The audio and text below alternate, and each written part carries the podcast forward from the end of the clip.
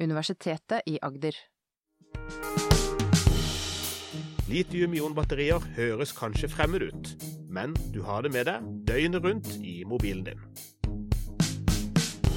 Oppfinnelsen har fått nobelpris i kjemi for å ha gjort den digitale revolusjonen mulig, og nå står klimakamp for tur. Forskeren som skal gi oss svar i dag, er Gunstein Skomedal, postdoktor i fornybar energi, og han har også en fot i næringslivet. Velkommen til Spør forskeren. Mitt navn er Øyvind Eskedal. Jeg spør kan batteriene redde kloden?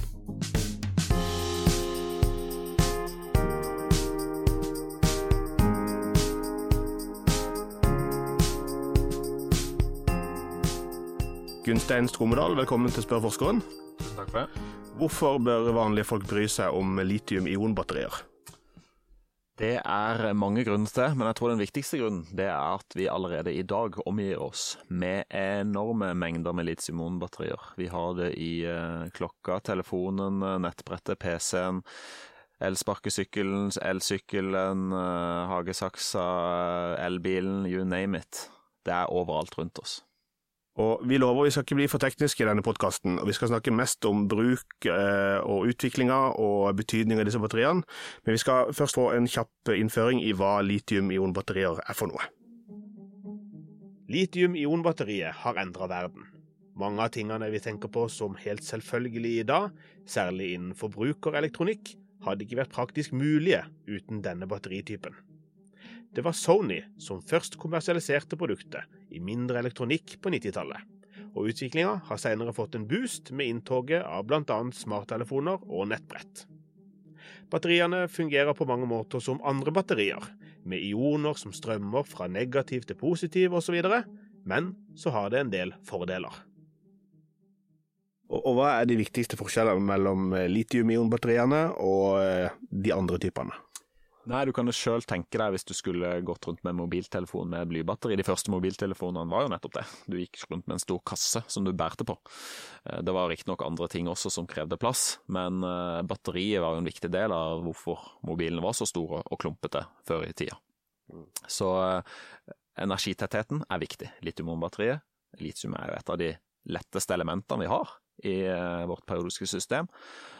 Eh, så energitetthet, og så ikke minst dette med stabilitet. Det at du kan lade det inn og ut uten å miste kapasitet. Du kan lagre det over lang tid uten at det mister kapasitet.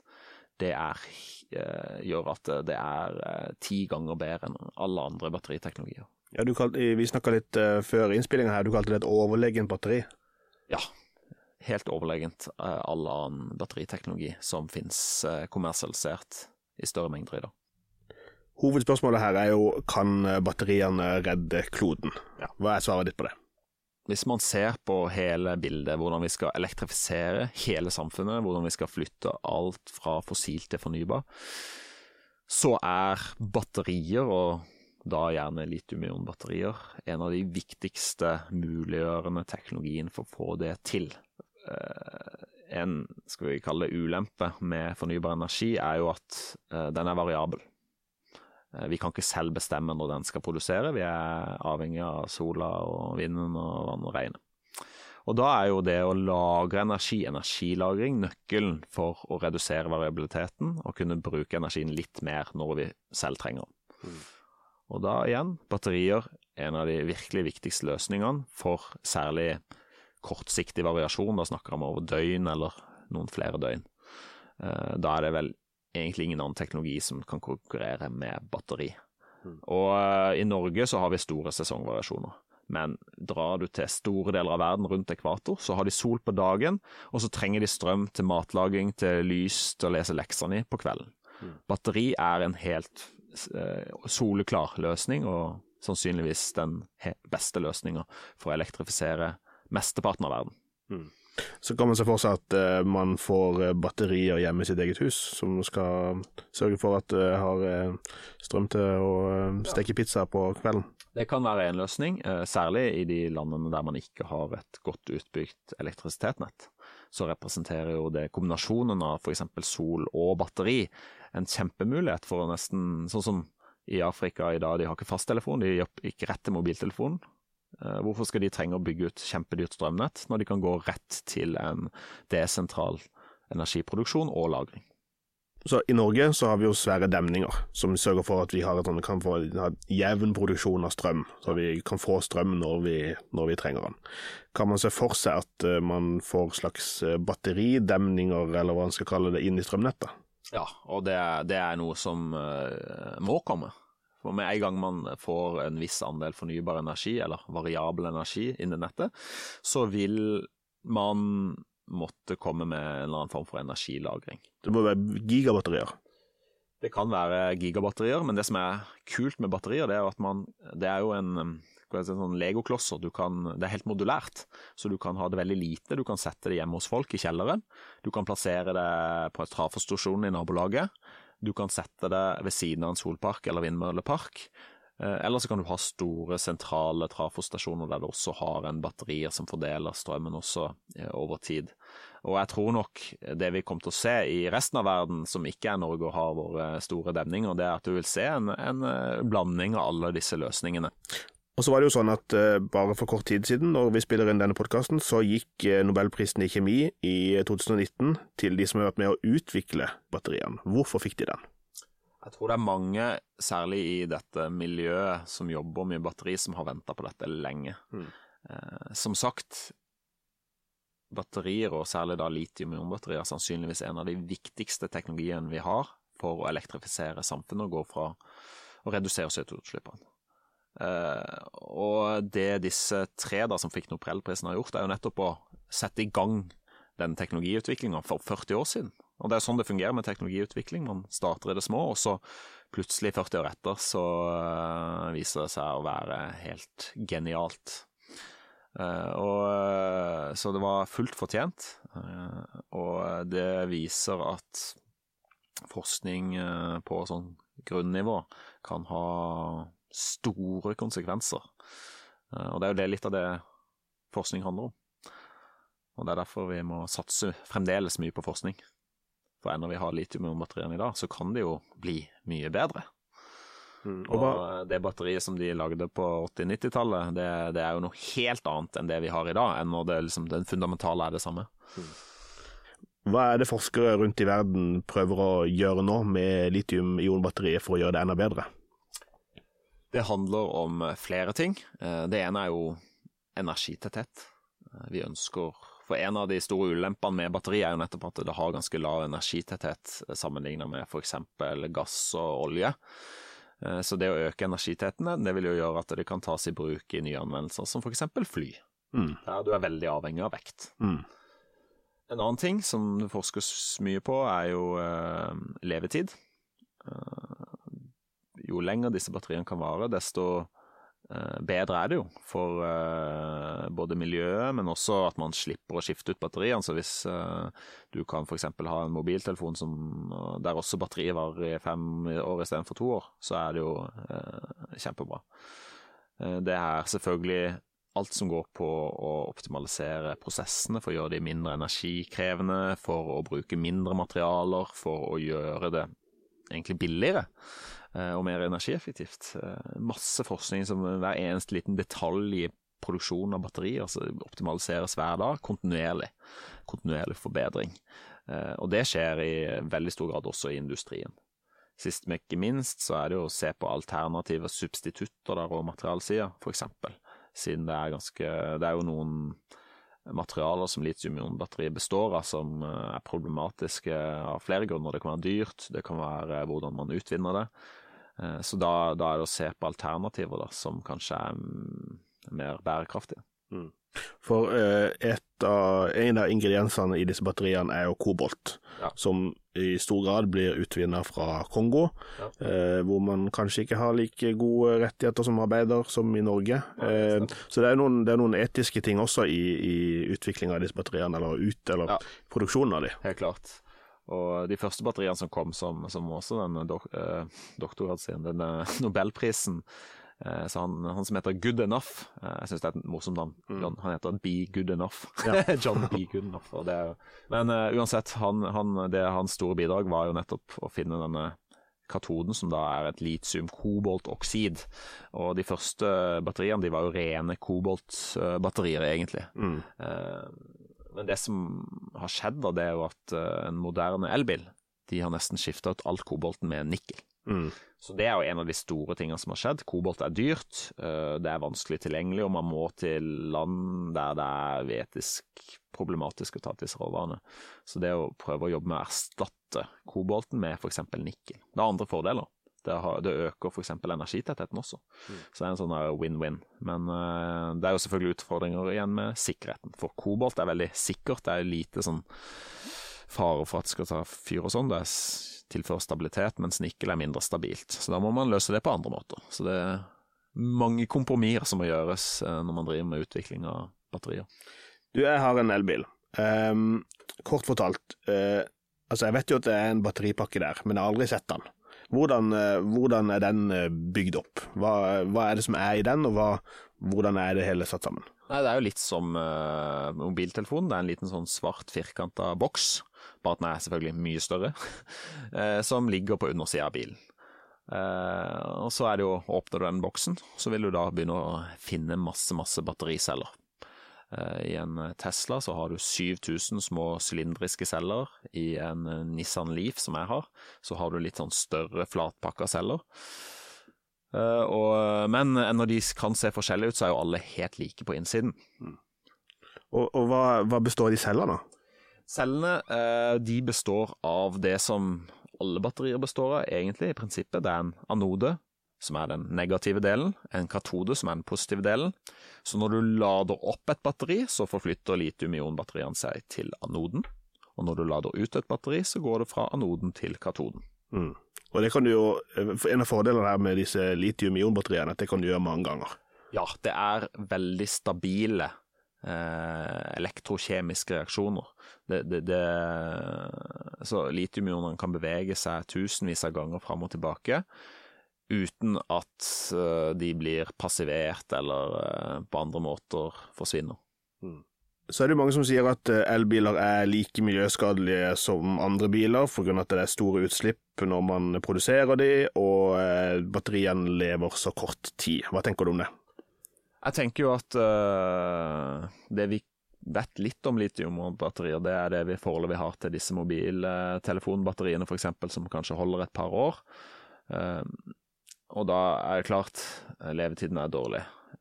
Når vi ser på de moderne batteriene som kommer inn i bilene, så er vi på et helt annet nivå. Og det er selvfølgelig også bilindustrien har helt andre krav. De designer ikke en bil for å vare i to år, slik som elektronikkindustrien gjør. De designer en bil for å vare i 10-15-20 år, minst.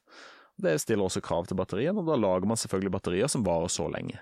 Og det Nyere forskning viser jo at disse batteriene de varer jo mye lenger enn selve bilen. Mm. Og at når bilen da er ferdig og rusta stykker etter 15-20 år, så er fremdeles batteriene fullt brukelige til andre formål, f.eks. For mm. Det skal vi komme litt uh, tilbake til seinere, hva ja. som kan skje med batteriene etter uh, de har vært i bilen min. Ja. Men, uh, men hva med produksjonen av batteriene? Ja. Er den grønn og fin? I dag så er den nok dessverre ikke det. Eh, fordi mesteparten av både råmaterialene som trengs til å lage disse anodene og katodene, og eh, ikke minst eh, det å sette det sammen, det er energikrevende prosesser, og alt skjer så å si i Kina. Du har noen unntak, en gigafactory i USA, men også de får råmaterialene fra Kina. Eh, så hvis du ser på sånn klimafotavtrykket til et litium-ion-batteri da, så er det ganske dårlig.